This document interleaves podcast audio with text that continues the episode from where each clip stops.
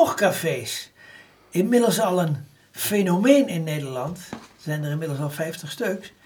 Maar ik hoorde dat jij de naam had bedacht, Geert. Hoe zit dat? Ja, dat is heel toevallig gekomen. Wij hadden in Delfzijl, uh, was er een uh, soos van het Rode Kruis die ophield te bestaan. Dat had niks met de oogvereniging had, Net waar, eh, werd door vrijwilligers van, de, van het Rode Kruis opgezet en die wilden stoppen. Maar de deelnemers die wel lid waren van de oogvereniging, die wilden doorgaan.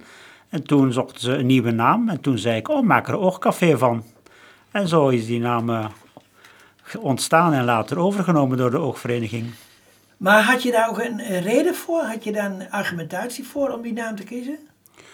Een beetje in het rand als Alzheimer Café, Macula Café, dacht ik, dan kan ook wel Oogcafé. Het is in ieder geval een, een naam die aangeeft dat een, een, een uh, onverplichte ontmoeting met elkaar is. Hè? Inderdaad. Want er zijn wel mensen die het café, naam café moeite mee hebben. Dat ze daar, dat associëren met dronkenschap en zo. Ja, kijk, café, café kan ook gewoon koffiehuis betekenen. Hè? Ik bedoel, op elke naam kan er wel iets uh, ja, worden afgedongen. In koffiecafés, daar, daar, daar rook je wiet.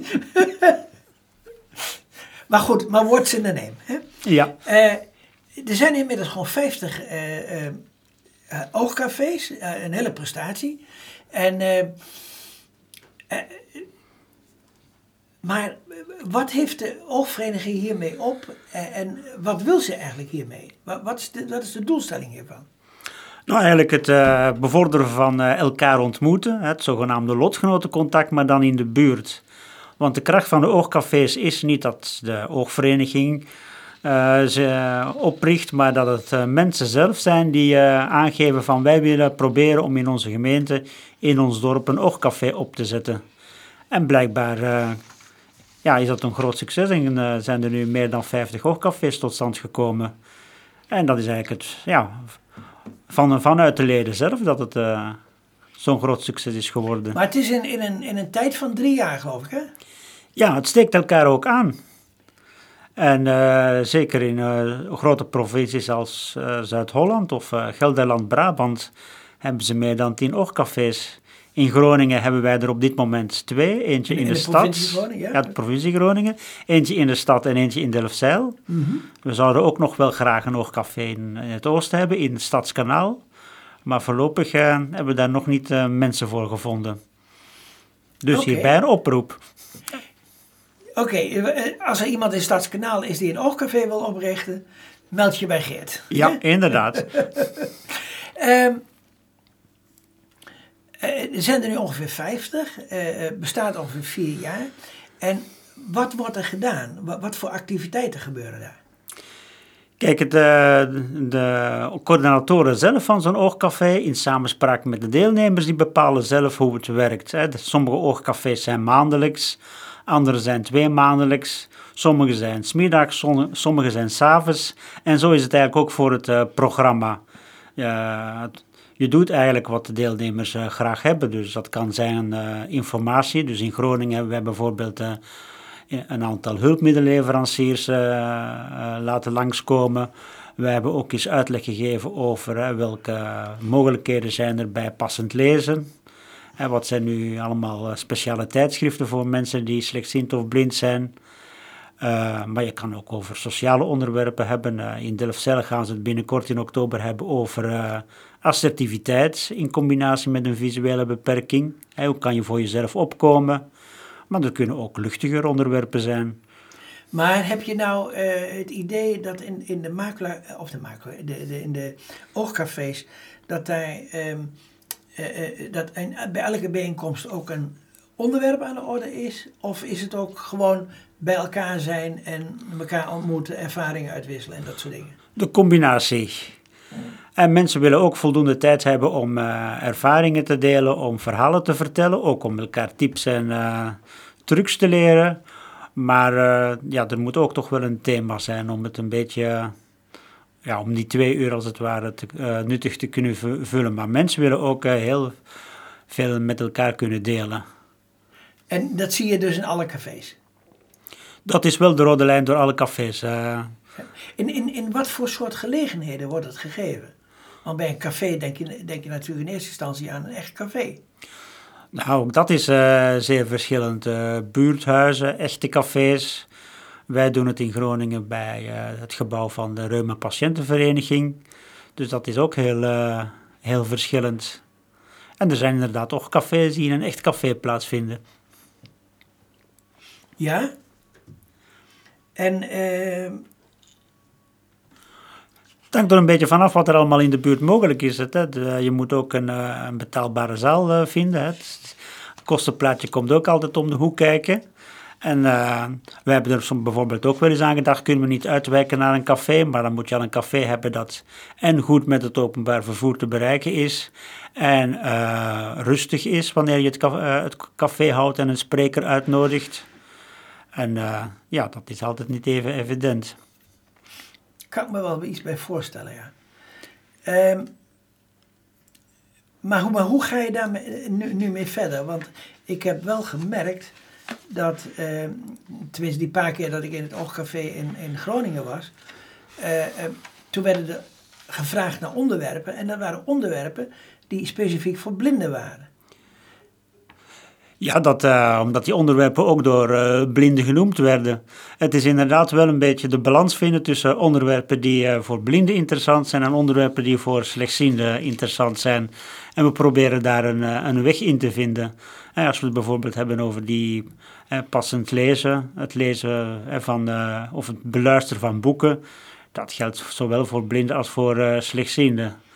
Maar bij hulpmiddelen, ja, als een leverancier met een met een vergrotingstoestel uh, langskomt, dan hebben blinden daar weinig aan, maar dan proberen we ook een hulpmiddel uh, te laten demonstreren waar blinden iets aan hebben. En zo proberen we dus een, een balans te vinden. En bijvoorbeeld in deze maand, in september, gaan we het hebben over, over publiek vervoer, de WMO-taxi. Ja, dat is ook voor een bredere groep interessant. Ja, ja. En je had het erover dat je in Groningen ook studenten uitnodigde om testen te doen. Ja, op een of andere manier weten studenten of andere mensen uh, op het internet uh, gemakkelijk de weg te vinden naar uh, toch Café Groningen om dan iets te demonstreren. He, zo zijn er studenten langs geweest die een, een nieuwe witte stok, een slimme witte stok wilden ontwikkelen. Er zijn ook studenten langs geweest die een bril wilden ontwikkelen. Eh, met 5G die dan voorwerpen op straat konden detecteren. En met, die, uh, met onze feedback hebben ze dan een model verder ontwikkeld en ook een, een prijs gewonnen. Dus ja, dat merken we ook, dat, dat wij, het Oogcafé een ideale broedplaats is om ideeën te testen en verder te ontwikkelen. Maar een slimme witte stok, die, die is daar al, al ontwikkeld? Nou, dit was een. Uh, dit, je bedoelt natuurlijk de Icon, maar die is niet zo gebruiksvriendelijk.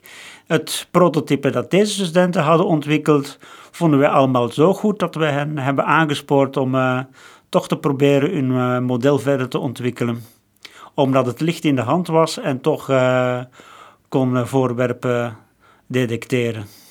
Dus dan krijgen we iets wat mede door de Oogcafé Groningen ontwikkeld is. Dat zou natuurlijk heel mooi zijn, maar helaas hebben we, hebben er geen contract mee afgesloten dat we er ook een percentje aan overhouden. Nou, nou dan kun je in ieder geval zorgen dat het ongeveer gesponsord wordt. ja. ja, en zo proberen we dus... Uh, dat is het. Ondertussen is dat ook een van onze functies geworden. En uh, de meeste deelnemers vinden het heel leuk om uh, nieuwe producten te kunnen testen. Ja. Kijk, de oogvereniging, jullie zijn geen afdeling meer, maar regio noem je dat? Ja. Want, uh, en, en de oogvereniging is in 2013 is ontstaan uit een aantal verschillende verenigingen. Ja. En er zijn nu, een, nu binnen de oogvereniging zijn er verschillende groepen. En zou het misschien kunnen zijn dat, die, dat het oogcafés, dat dat een middel is om die groepen wat meer naar elkaar toe te laten komen? Um, dat hangt in de eerste plaats ook van de thema's af die je brengt. Bedoel, het, bij de oogcafés wordt inderdaad geen onderscheid gemaakt van uh, ben, je, ben je blind, ben je slechtziend of, of wat is je achtergrond. Maar met de thema's proberen we inderdaad een breder publiek te bereiken. En zo kunnen we dus ook, eh, als, als, iemand van eh, de glaucoom eh, eh, groep eh, een onderwerp bij ons interessant vindt, ja, dan zijn ze natuurlijk van harte welkom. Maar, maar echt, maar echt als, eh, als een strategie om die verschillende bloedgroepen die er oorspronkelijk waren bij elkaar te brengen, zo zou, je het niet, zo, zo, zo zou ik het niet willen bekijken. Ja, maar er is geen stimulans geweest vanuit het bestuur bijvoorbeeld. Nee, maar we zien wel in het, eh, in het veld dat er wel, eh, wel wordt samengewerkt met mensen van glaucoom of zelfs mensen van de maculavereniging. Oké. Ik heb zelf nog wat idee dat er gewoon nog onvoldoende voorlichting wordt gegeven. Want tot mijn schrik ontmoette ik eh, deze week iemand die ook verre vormen van eh, eh, macula heeft. En ik heb hem eh, beloofd dat ik even eerdaags bij hem langskom. Omdat er een aantal voorzieningen, eh, daar ben je nog van verstoken. Terwijl dat zo voor de hand ligt, bijvoorbeeld onderschrift op televisie. Wist hij niet eens dat dat bestond. Dan denk ik, hier ligt toch nog wel een stukje voorlichting. Ja, dat, dat, Gebro- ge- ge- gesproken eh, ondertiteling voor uh, Dat is, slechtzienden. dat is misschien nog een heel goed onderwerp voor de oogcafés. Dat, eh, om eens iets te doen met wat de NPO al eh, eh, op Nederland 1, 2 en 3. Die zenden namelijk de gesproken ondertiteling gewoon mee. En dat is gratis. Nou ja, wat, wat mijn wilde droom is, is om met een eh, busje de provincie in te trekken en dan eh, voor de oogvereniging en eh, reclame te maken en ook informatie te geven over leven met een oogaandoening. Want het probleem is inderdaad, die mensen die wonen in een dorp, die weten niet wat er allemaal mogelijk is en, en missen daardoor ook de informatie of de hulpmiddelen die hen het leven makkelijk kunnen maken. Ik heb het idee soms ook een beetje gêne nog dat je eh, durft niet uit te komen voor jouw handicap. Dat speelt zeker mee. Dat, eh, zeker als je bijvoorbeeld een witte stok op de duur moet gebruiken, daar eh, Ja, doen mensen heel, wij- heel moeilijk over. Ja, dat heb ik in het verleden ook gedaan hoor, dus ik kan het heel goed begrijpen. Maar het is ook dat je dat eh, beetje informatie mist. Ja, Nou, ik, vind- ik vind het een hartstikke goed idee. Ja. Hè? Zullen we daarmee afsluiten? ja, we- ja sluit het af. En, en, het- en bedankt voor het interview.